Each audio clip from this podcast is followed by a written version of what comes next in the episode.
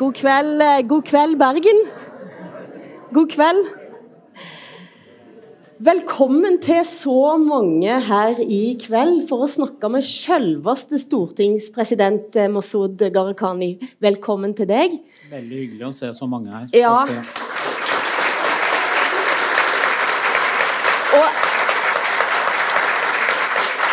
Jeg lurer jo på her om det er Nytt på nytt-effekten som slår inn.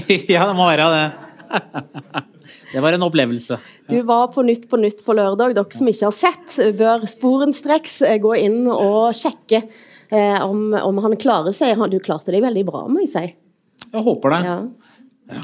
Det er litt annerledes, ja. Mitt navn er altså Hilde Sandvik, og jeg har den ære eh, å sitte her og snakke med deg en hel time.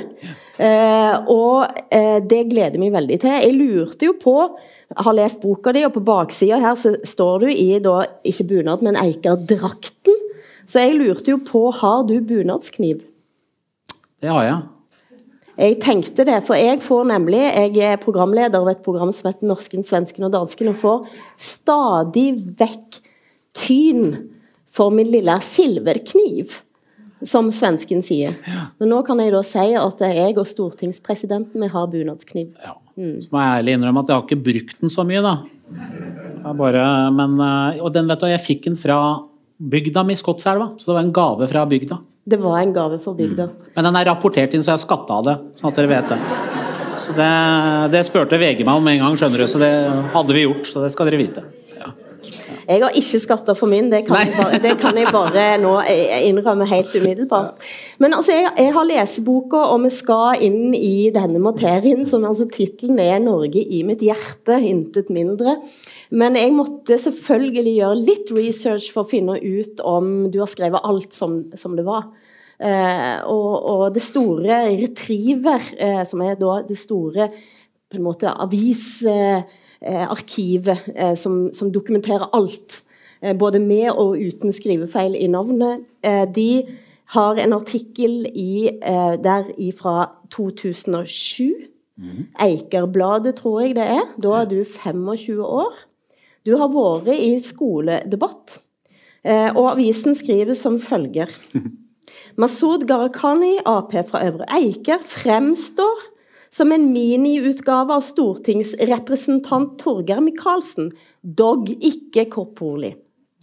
Noen ganger lyder han som et rundskriv fra Youngstorget. Andre ganger er han så frisk i språket at vi kvier oss for å sitere ham. Hva var det du hadde sagt da, egentlig? Uff a meg. Det hadde jeg klubba hvis noen hadde sagt det fra talerstolen.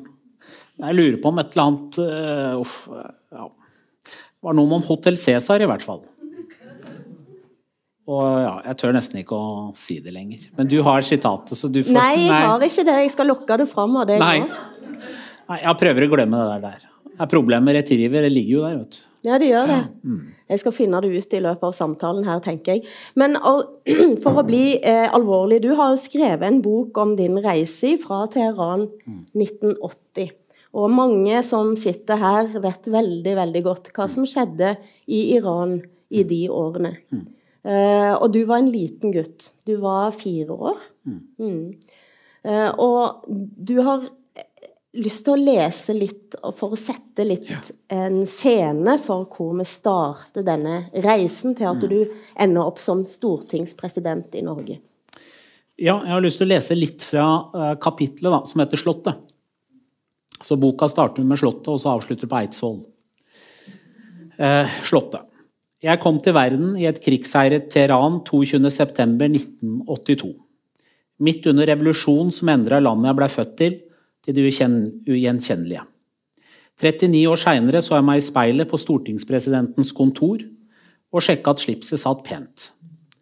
Om noen få minutter skulle jeg begi meg opp langs paradegata Karl Johan og inn til kong Harald på Slottet. Jeg var ikke lenge i fugleværelset. Og fugleværelset er et av de flotteste rommene på Slottet, hvis ikke noen uh, har lest om det. Bare noen minutter. Likevel var det som om tida sto stille.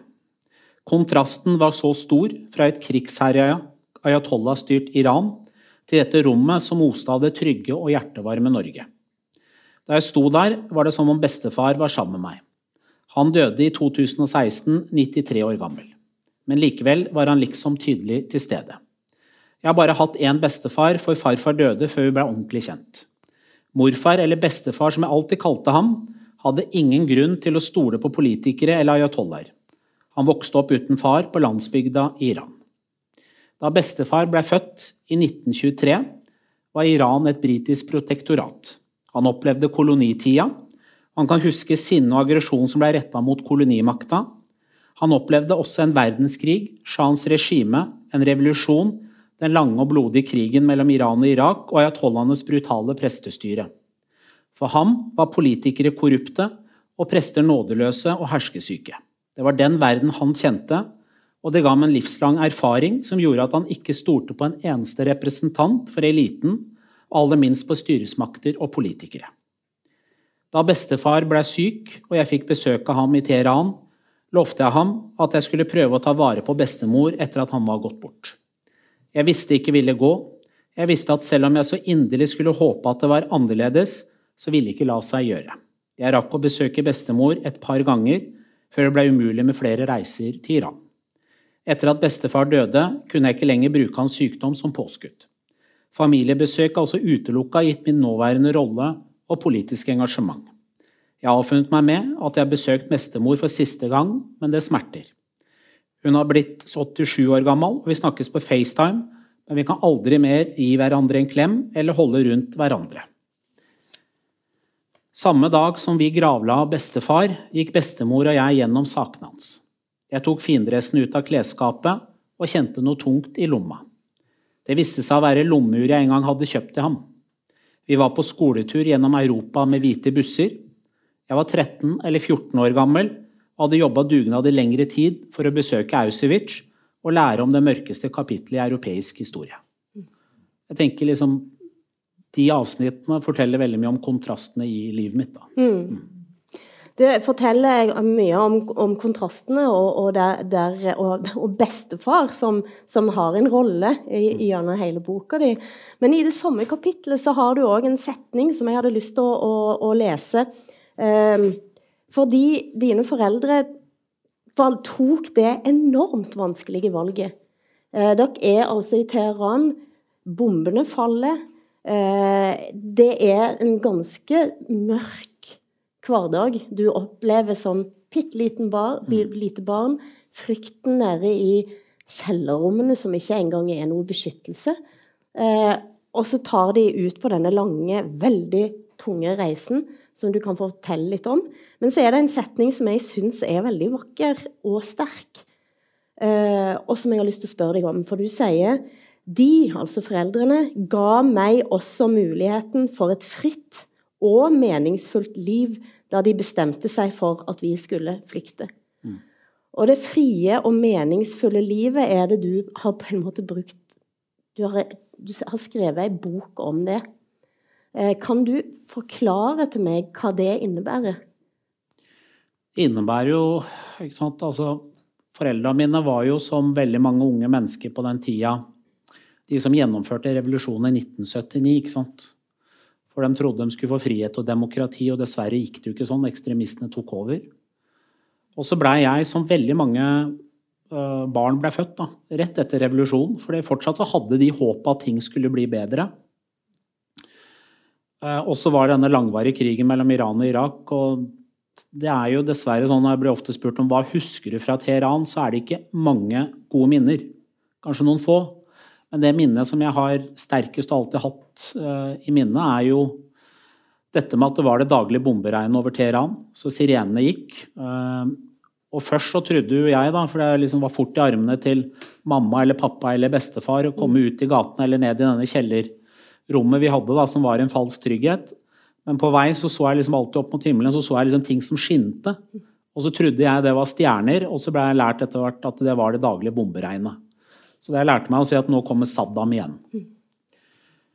Eh, og må huske på, ikke sant, Min eh, familie Vi var jo en stor familie som levde sammen. ikke sant? Eh, for mamma og pappa var eh, foreldrene utrolig viktig.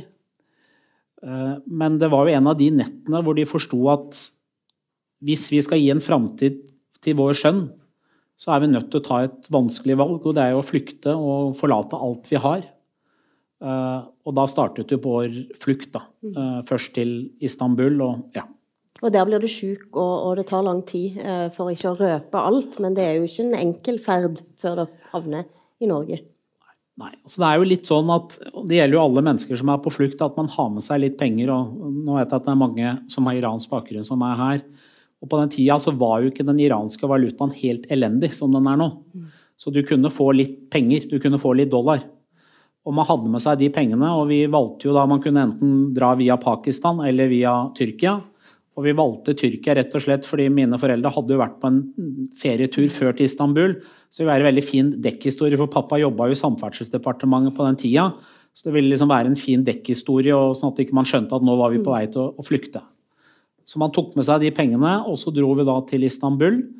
Eh, og etter hvert da så gikk jo pengene vekk. Eh, og vi blei da illegale flyktninger. Eh, og på det tidspunktet så hadde jo ikke Tyrkia noen konvensjoner de var bundet av, så det fantes jo nok av historier på mennesker som var da angitt, tatt, sendt på grensa og blitt henretta. Det skjedde jo på det tidspunktet der. Så vi bodde i en eh, leilighetsblokk hvor det nesten ikke var noen andre mennesker. Det var mørkt, det var ufyselig der, men det var jo også årsaken til at vi bodde der, var jo fordi man kunne gå litt, sånn, litt i det skjulte. Og jeg blei jo syk da, og på det tidspunktet så visste vi ikke at jeg hadde astma. Eh, eh, og Istanbul da, kan bli ganske kaldt. Dette var jo mm. rundt vinterstid. Eh, og ikke bare det, på den tida der så brukte man jo kull til å fyre opp. Så du kan du tenke deg når det er kaldt og du bruker kull, og jeg hadde astma, så ble jeg utrolig syk. Og et par ganger så ville spesielt mamma og pappa da, de ville jo liksom ta meg med til, til lege, men da var det jo folk rundt oss som sa at det må dere ikke gjøre. For at det kunne bli angitt, dere kunne bli tatt og sendt, til, uh, sendt tilbake igjen til grensa. Og pengene gikk. Uh, og det er jo som jeg fortalte når jeg ble stortingspresident, at vi hadde bare én dollar igjen. Uh, vi blei jo sendt til flyplassen én gang, det ble ikke vellykka. Så vi kom tilbake, og, leie, og, og leien var da forfalt. Mm. Så var det jo sånn at drømmen til spesielt pappa da, var jo at vi skulle komme oss til California. Det er jo nesten det samme. Da, det er nesten det samme. Han hadde en onkel som hadde reist da før revolusjonen i 1979. Eh, og Der var det varmt hele året, og der bodde det veldig mange iranere. Eh, men så blei det da Norge mm. istedenfor. Mm. Så noen ganger er livet tilfeldighet, men eh, vi er utrolig takknemlige for at det blei Norge. Og da mm. landa vi på Vi kom jo først til København, og der fikk vi jo valget da, om vi ville til Danmark, Sverige eller Norge. Og da valgte vi Norge. Og da landa vi på Fornebu. Så det er som jeg sier til de unge, det er ikke alltid vært Gardermoen hvor du kommer rett inn fra varm gate. ikke sant? Og da kan du tenke deg, når vi kom da til Norge, så var det jo da rundt vinterstid. Så det var jo noen, da var det ordentlig vinter òg på Østlandet. Så det var ganske kaldt. Men noe av det første som skjedde, var jo at vi blei tatt imot av politi. Og det var en overgang fra å være liksom redd politi til å se smilende norsk politifolk som ga deg klem. Så det var en overgang. Og på den tida der så var det jo veldig klart da hvis du kom fra Iran, så fikk du beskjed om at det her får lov til å bli. Mm. Men altså denne, det er jo så mange ting i denne fortellingen din og oppveksten. og jeg, Da jeg leste, så tenkte jeg på Haja Tajik, eh, som vokste opp i Bjørheimsbygd. Mm. Eh, eh, Tau. Eh, og første gang hun kom inn i norsk offentlighet, så sa hun at eh, eh, Send A-gjengen Dette var når de pakistanske A- og B-gjengene herja i Oslo. De herjer vel mer og mindre nå, men på litt andre, med litt andre navn.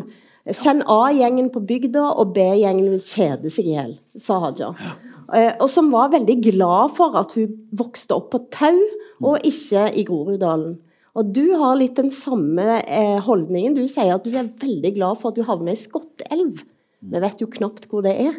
Ja. Eh, og ikke eh, Ja, som en kompis av deg, da, i Drammen. Mm. Det stemmer. altså fordi Først så ble vi da sendt til uh, Larkollen, da, som var et sånt asylmottak. Uh, og Der var det jo for å sagt, det var veldig annerledes enn det som man tenker på av dagens asylmottak. Ja da, det var et sånt institusjonsbygg, men det var veldig mange villaer i det området. og det var flere etasjer i de eneboligene, og der bodde da barnefamilier. Eh, og når vi kom til asylmottak, så ble vi veldig godt kjent med hun som var da eh, styrer der, da, eller daglig leder, Ellen. Så hun jobba jo ekstra med mamma for at hun skulle lære seg det norske språket. Mm. Og Ellen har jeg fortsatt kontakt med den dag i dag. Hun sendte jo meg truser til jeg var 13-14 år gammel i gave, med sånn Mickey Mouse-mønstre på. Eh, men jeg kjøper trusene mine nå, det skal dere vite. Det, det er sånn.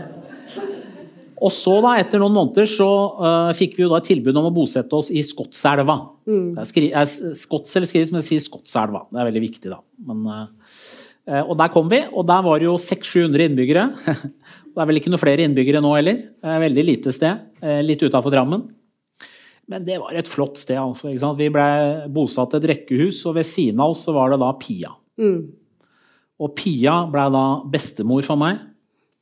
Eh, og passa ekstra på mamma. Så liksom når vi er inn mot juletider nå, så pleier jeg alltid å dra fram den historien at allerede første julaften vi kom til Lille Skotselv, så inviterte hun oss hjem. Mm. Og Der lærte jeg om jul og juletradisjoner. Juletre, vi gikk under juletre, jeg fikk julegave, vi sang, vi spiste norsk julemat. Hele pakka. Ribbe med svor og hele pakken. Ja, og det er jeg veldig flink på. Ribbe er veldig Persisk lammegrill grill, og da ribbe. Det er det jeg kan. Det er min spesialitet. Men sant, det, det, bra med lille Skotselv var jo at ja, vi hadde Pia. ikke sant? Mm. Og hvorfor var Pia viktig for mamma? Og hun jobba litt ekstra med mamma for at hun skulle lære seg språket. Men det første hun sa til mamma, var at hvis du har tenkt å få deg jobb, Sara, så må du få førerkort. Her går det verken buss eller tog i mm. lille bygda. Altså sånne helt elementære ting. ikke sant? Så hun hjalp mamma å få førerkort. Og begge de to, uh, mamma og pappa, kom seg fort i arbeid, fordi hun også var barnevakt for meg og passa på meg. Mm. Og så spilte jeg fotball på lille Bakke IF. Ble kalt for Lille Maradona. Det er noen kilo siden, som dere ser. Men vi fikk samme fasongen, da. Uh, og så var Misjonskjerka helt vanlig møteplass. Mm hvor jeg som muslim var der, lærte om Bibelen og Jesus og kunne mm. salmene utenat. Og ble aldri en eneste gang spurt om jeg burde konvertere. Men liksom, det viktigste med Skålselv var at jeg ble fort Hamas-ut fra Kopperudssvingen. Som var det nabolaget jeg vokste opp i. Aldri Hamas-ut fra Iran eller Teheran. Mm. Og det eh, tror jeg er en historie som både Hadia og jeg deler. At når det kommer til et lite lokalsamfunn, så er det mye enklere å få til denne integreringen mm.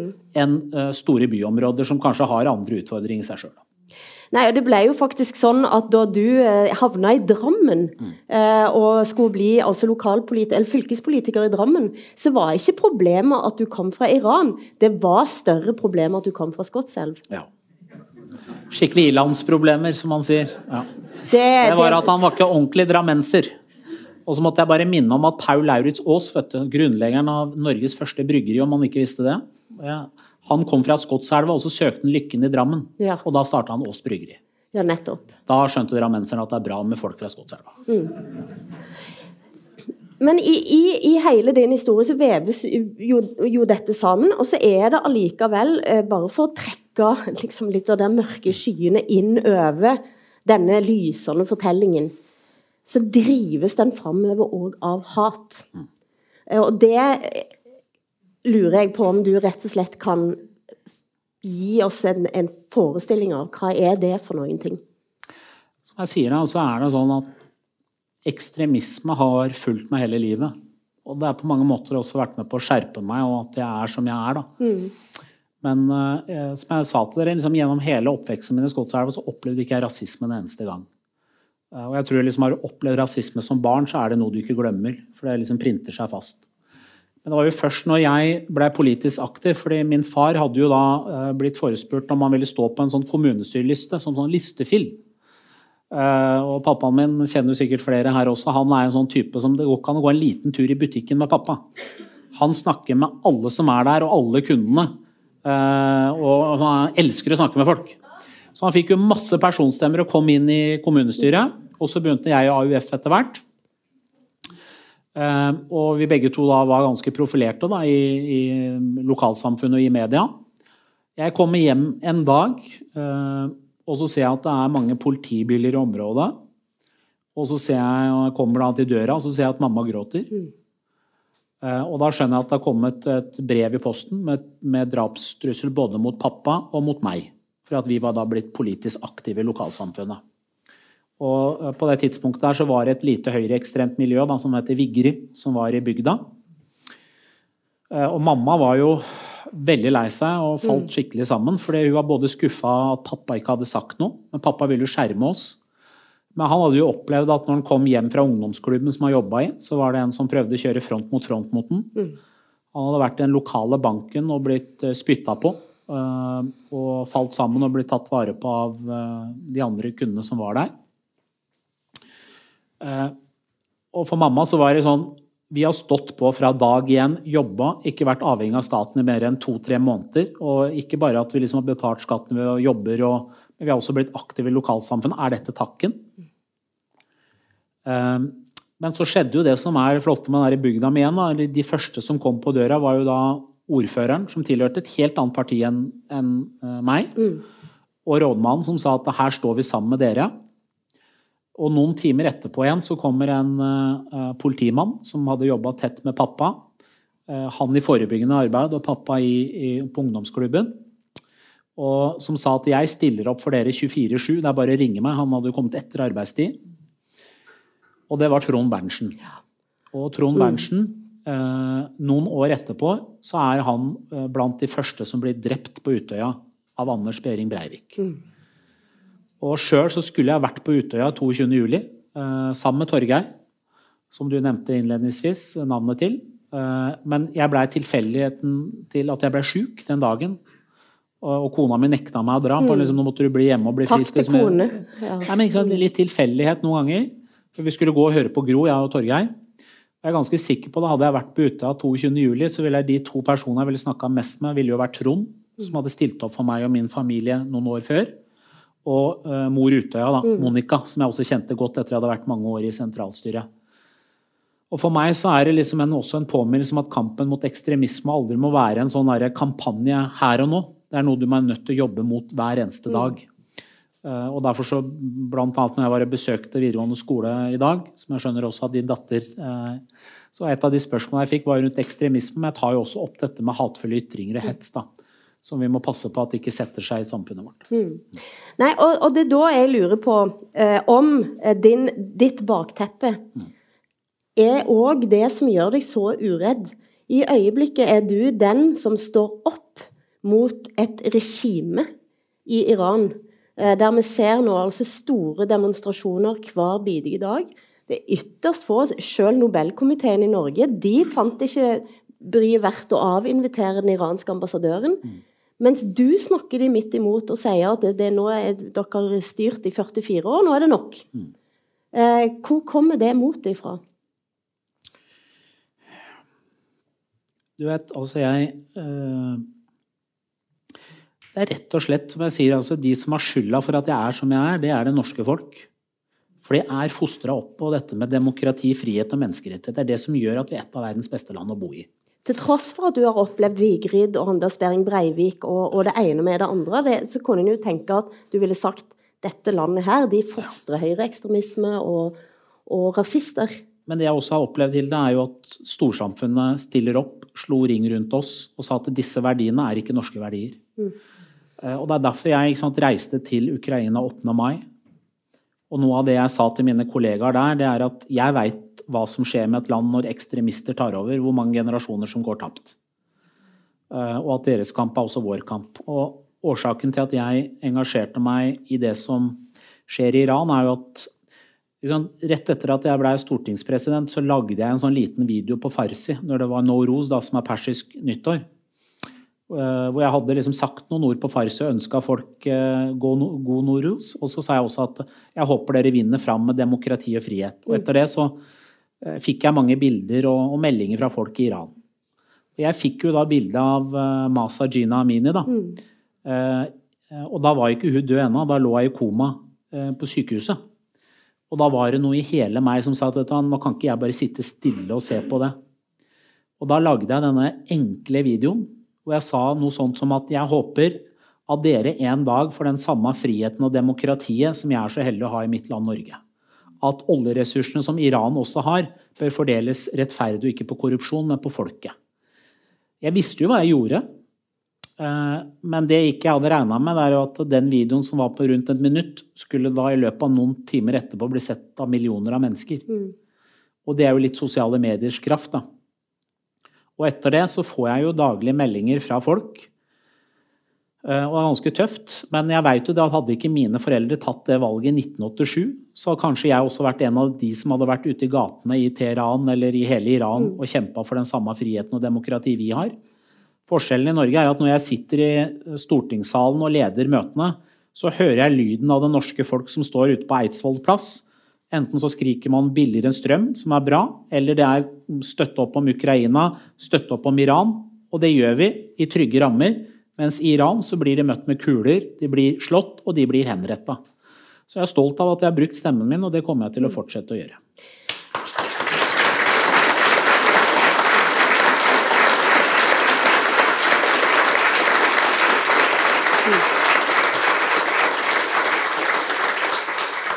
Jeg lurer på hva er det som gjør at ikke flere står opp sammen med deg? Eh, jeg var nylig i Wien og møtte en iransk kvinnelig fotograf, Marian Furazi. Eh, som er en av de tøffe kvinnene jeg vet om. Jeg kjenner mange tøffe kvinner, hun er en av de. Eh, som fotograferer kvinner, kvinnelige kunstnere i Iran. Og var der for å ta imot en pris, noe som heter Global Peace Photo Award.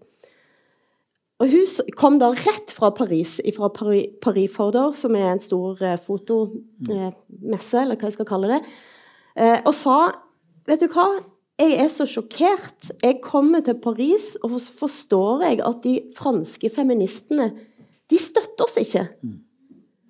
Kan du forklare meg hvorfor de ikke gjør det? sa hun til meg.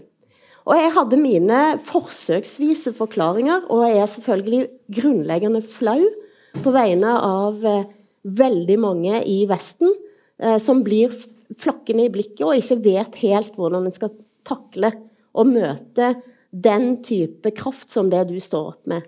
Hvorfor er det sånn?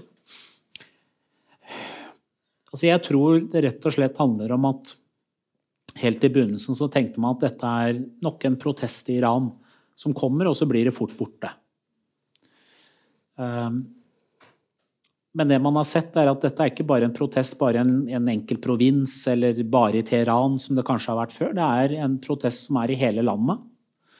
Og for hver eneste som de dreper eller fengsler eller slår, så kommer det 1000 nye mennesker ut. De prøver å stenge ned internett, men de unge menneskene som er der, er så utrolig smarte at de finner ulike systemer å få ut budskapet på likevel, og få ut bildene og den brutaliteten de opplever.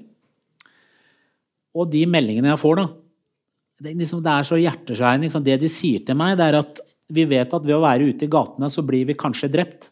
Men vi er villige til å gjøre det, for vi klarer ikke lenger å leve under det regimet som er. Og de er 2-23 år mm. gamle. Eh, og det som er i hvert fall bra å se, det er at verden har jo endra seg veldig også. Rundt oppmerksomheten rundt Iran. Og det mener jeg altså, Jeg vet at noen iranere har kritisert norsk media, men det er bare å følge med på NRK, TV 2, VG. Det er daglige saker om Iran. Og de prøver å komme nærmere og møte folk. Eh, blant annet så var det en stor reportasje i går eh, om en kurdisk eh, demonstrant som hadde flykta over til Irak, som kanskje noen av dere så på TV. Og når Macron bruker ordet som at det er en pågående revolusjon, så har det skjedd ting. Når Scholz begynner å ha et stort budskap han deler på at det som skjer nå, er unge mennesker som ønsker frihet og demokrati. Og så er det noe med at også iranerne og mange av oss som har den bakgrunnen vi har, at vi har brukt vår stemme. Folk protesterer, viser den solidariteten, har jo gjort at ting har endra seg. Når du har hatt en av de største demonstrasjonene i moderne tid i Berlin pga. det som skjer i Iran, så sier det noe om den kraften som er, da, ikke bare i Iran, men også utenfor. Og det tenker jeg er bra. Eh, og fortsetter man det trykket, så, så kan det bli store endringer. Allikevel så har du en, en, en, dyktig journalist som Yama Wallasmal, som står på, på stadion i Qatar mm. eh, under kamp med Iran og det iranske landslaget, mm. som først ikke synger eh, sangen, nasjonalsangen, og så synger de på neste kamp. Og så sier han, eh, mens han står opp der med mikrofon, at eh, eh, mange i Iran mener at de protesterer eh, pga. vestlig etterretning og vestlig eh, påtrykk. Noen iranere i Norge reagerte kraftig på det. Men det blir òg sagt. altså Dette er Vesten som står bak og pusher på her, eh, det som skjer nå i Iran. Hva sier du? Det er det ikke. Og det er jo eh, sånn at det som skjer i Iran nå, er jo først og fremst unge mennesker som er fed up, som er ute i gatene. Eh, det er både det du hører enkelte sier, og det andre noen sier er at ja, hvis det blir en endring i Iran, så blir Iran en ny Syria. Det er også feil. Fordi de unge menneskene som er der, de vet hva det er å leve under det regimet. Og de er ganske høyt utdanna. Altså, 60% av Irans befolkning er under 30 år. De er høyt utdanna, de vet hvordan demokrati skal være. Og mange av de som nå leder de store protestene også utafor Iran, er jo ikke sånne som meg som kom til Norge som femåring. Det er mange mennesker som har kommet de siste årene. Eh, sånn at det fins nok folk også utenfor Iran som kan være med på å bygge opp et nytt og moderne demokrati hvis man får til en revolusjon.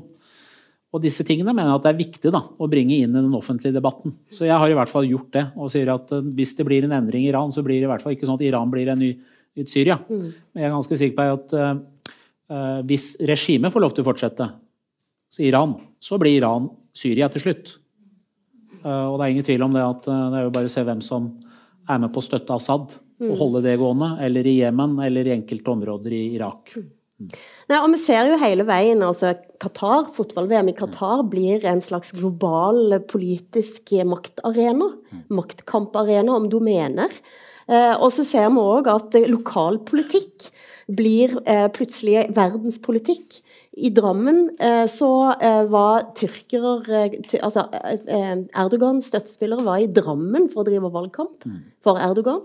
Så vi blir jo på en måte Vi blir mye mer enn bare det som du skriver om her. Og da lurer jo jeg òg på kan Norge, kan vi bli med all den bagasjen du har tatt med deg, all den, den eh, kampviljen som ligger der, hvordan sørger vi for at de verdiene du mener eh, er av våre gode, kan tas videre? Altså Noe av det som Jeg bare merker jo at noe av det første jeg sa som stortingspresident, var jo at vi må aldri ta våre verdier som frihet og demokrati for gitt. Så vet jeg at uh, krigen i Ukraina har jo gjort noe med hele norske samfunnet, hele Europa, hele verden. Så du merker at de verdiene som vi kanskje for et år siden bare liksom tok som en selvfølgelighet, har endra. Jeg merker det når jeg kommer til unge mennesker da, i dag på videregående skole, at dette er temaer de snakker om.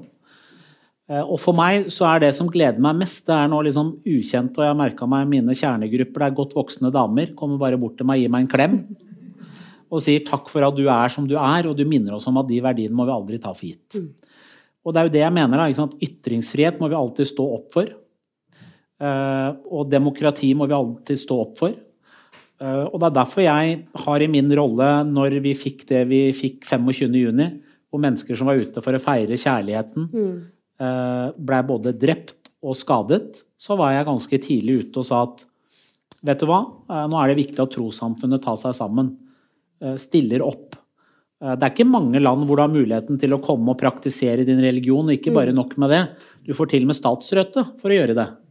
Det er en frihetssamfunn. Da må også de trossamfunn, enten er muslimske andre, også stå opp for friheten for de skeive. Mm. Det er liksom den pakten vi har. Og det er sånn vi må stå opp da, for frihetskamp etter frihetskamp. Mm. Men ikke bare det, eh, ikke bare i vårt land, men vi må også stå opp for de verdiene internasjonalt. Mm. Martin Kolberg han leste det, deg i Aftenposten, der du sier at eh, når du først får norske statspenger til å mm. ha denne menigheten, hva det måtte være, så har du med å undervise i de verdiene. Og så ringte han til deg, og hva var det han sa da? Altså, jeg sa noe som var ja, kan jeg si at gjerne på spissen der at liksom jeg, jeg, sa noe sånt at Hvis din gud mener at uh, frihet og demokrati og menneskerettigheter ikke er viktig, så må din gud vike. Uh, og det, Da sa Martin mener du virkelig det? Og ringte meg da. Vi er veldig gode venner da. Så sa jeg til Martin ja, det mener jeg. Fordi noen verdier bør vi være enige om uansett hva slags religion og bakgrunn vi har. Det er det som gjør at vi har religionsfrihet og ytringsfrihet i Norge. Det er det som gjør at vi er et av verdens beste land å bo i. Og de verdiene kan vi aldri la noen ekstreme si at sånn er det, fordi min religion tilsier det. Eh, da vil de verdiene tape. Men det er jo det som på mange måter skjer. altså Det presset, det er, det er ganske massivt. Ganske massivt, men heldigvis så syns jeg at vi i Norge er flinke til å ta et oppgjør med det.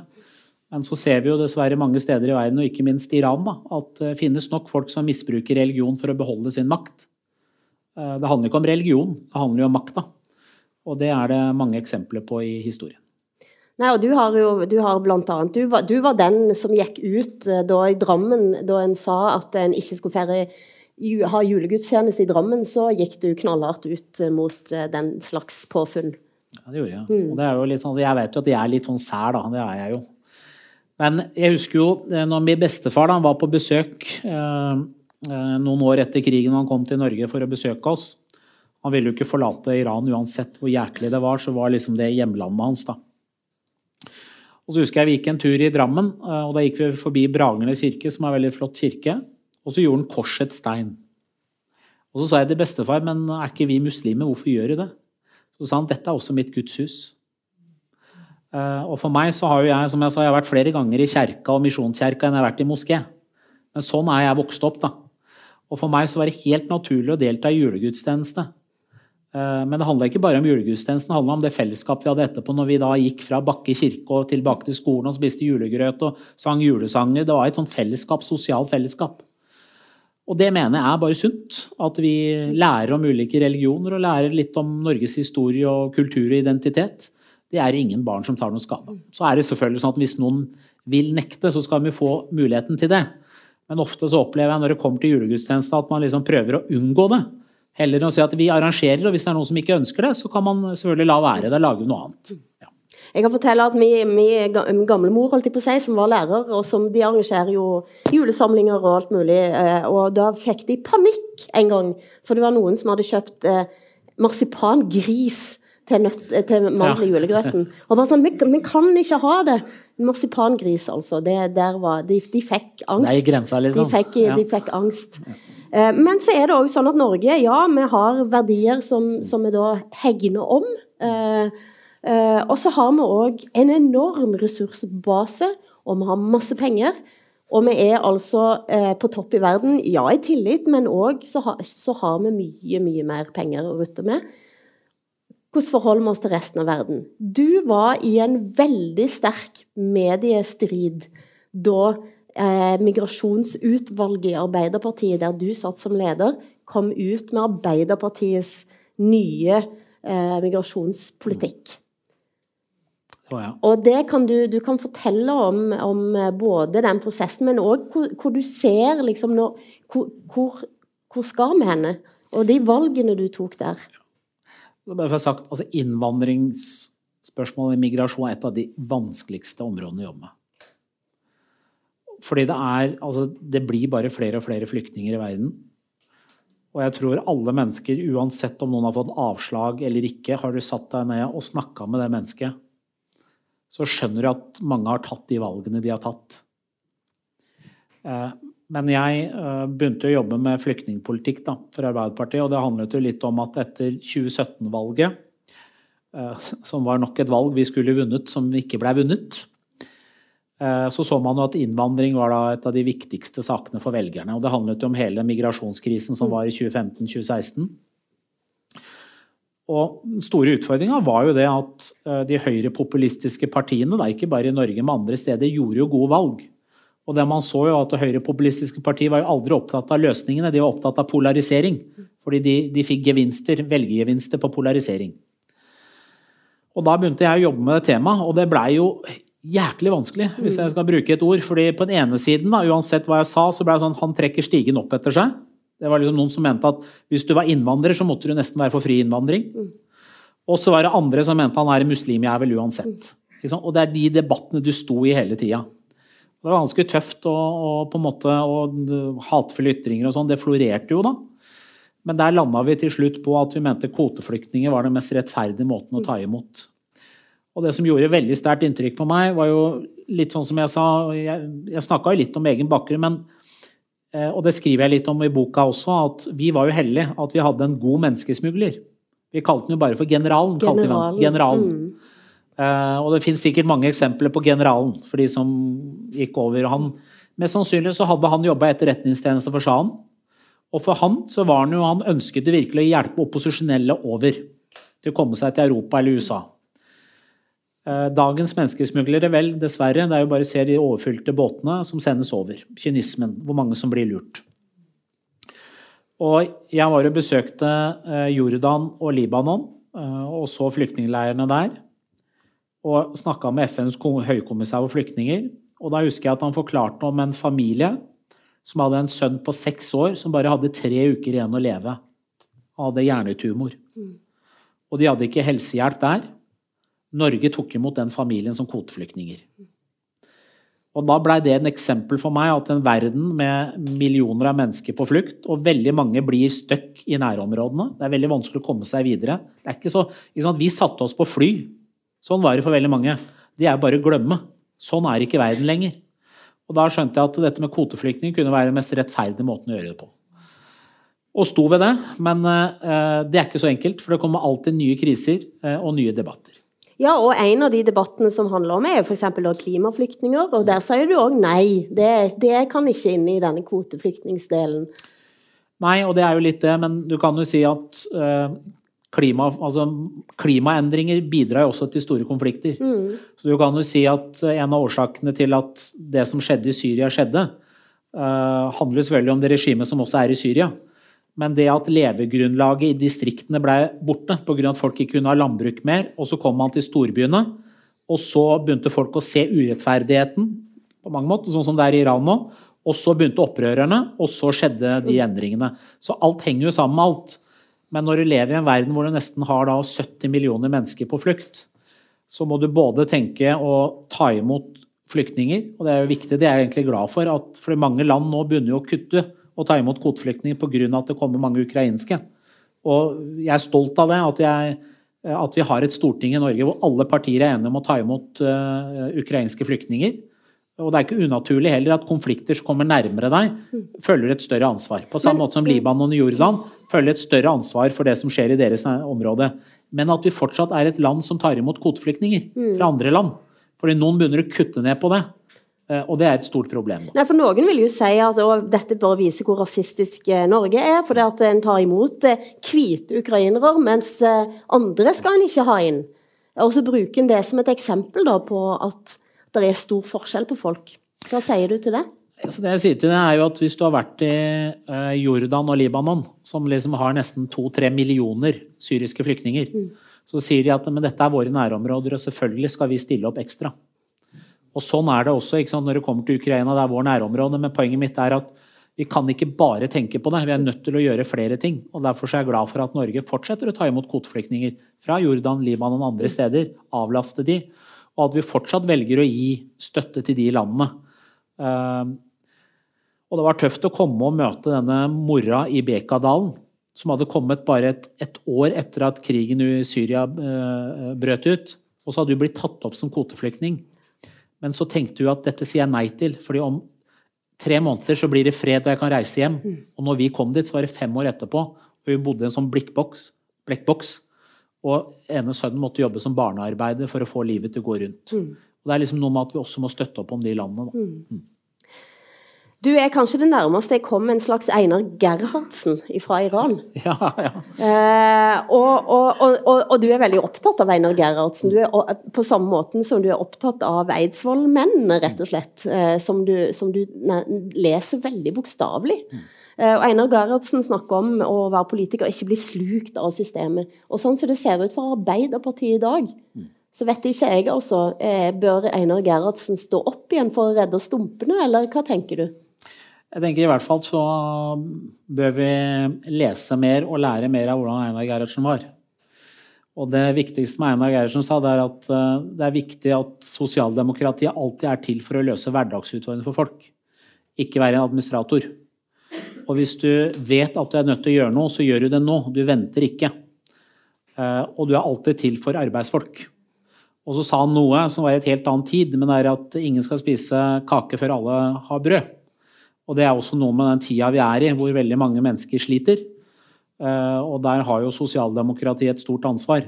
Heldigvis, da, bank i bordet, vil jeg si at vi er jo et land hvor vi både har bygget opp en god buffer, vi har oljeressurser som er eid av fellesskapet, vi har massevis av naturressurser. Og det er fullt mulig å gjøre mer rettferdig fordeling. Mm. Og det, det, må jeg bare si i dette sitatet der, eh, der du snakket så friskt at ikke aviser ville sitere deg, så står det òg at du var den eneste i denne skoledebatten som snakket om lokale saker som folk kunne forstå. Mm. Så det er, jo, det er jo på et vis det. Du til og med drev, storting, du drev stortingsvalgkamp på lokale Drammen-saker. Det var jo en liten frekkhet, vil jeg si, for å komme inn. Ja. Nære ting, vet du. Det er viktig for folk. de nære Ja. ting. Men altså, det, denne store lerret, og jeg har lyst til at vi skal avslutte tilbake til Iran. Når du drev og beila kjæresten din eh, Du møtte henne på party. Gjorde ja. Fortell om festene i Iran, for de har jeg hørt gjetord om. Nei, det blei til og med litt hardcore for en fra Skotselva. Uh, nei, altså det er jo Festene i Iran er jo som om eh, man var ute på byen, liksom. Eh, I Det er mer enn det, Oslo, tror jeg. Ja, det er mer enn det. Og, Ja, det det er mer er enn det. Altså Det artige er jo at du har bedre service med Vinmonopolet. Fordi, og det er fordi Vinmonopolet der, det var en fyr med moped. Du ringte til og sa 'hva har du?' Så sa han 'nå har jeg da litt smugla Tequila', da. Det var ganske eh, bra, for det tydeligvis så hadde man eh, god forbindelse hvor man da fikk masse varer fra, fra Mexico. Og da tydeligvis bak alle konteinerne så var det noen kasser med Tequila. Neida, men det var liksom på festene så var det sånn som alle andre steder. Unge mennesker som møttes, de dansa, de sang og de drakk alkohol og koste seg. Og så sto der en kvinne der. Min kone, og der blei vi kjent. eh, Og eh, ganske gode venner i mange år. Og eh, i 2010 så bestemte vi oss for at vi skal gifte oss. Men før det så drev du og rek rundt i parkene i Teheran. Eh, og jeg vil bare du det, altså, Vi må se for oss dette. Nei, altså vi var jo i en av de parkene, da, eller Eiterie, som sikkert noen, av- noen her kjenner til. Og så gikk vi litt rundt og vi drømte oss litt bort. Altså, det er jo litt sånn for mange unge mennesker, så det er jo liksom parkene hvor da kjærestepar går rundt og koser seg. Og vi drømte og satte der og tenkte tenk om vi hadde vært så heldige og fått opplevd før revolusjonen. Folk kunne ha gått kledd seg akkurat som de ville. Og friheten. Og så plutselig så kommer moralpolitiet, da. Og da hadde jeg en T-skjorte hvor det sto 'Make love, party and have fun'. Og så tenkte jeg, drammenser fa- som, eh, ble noen Så tenkte jeg fader, nå er det jeg som blir tatt, vet du. ikke sant?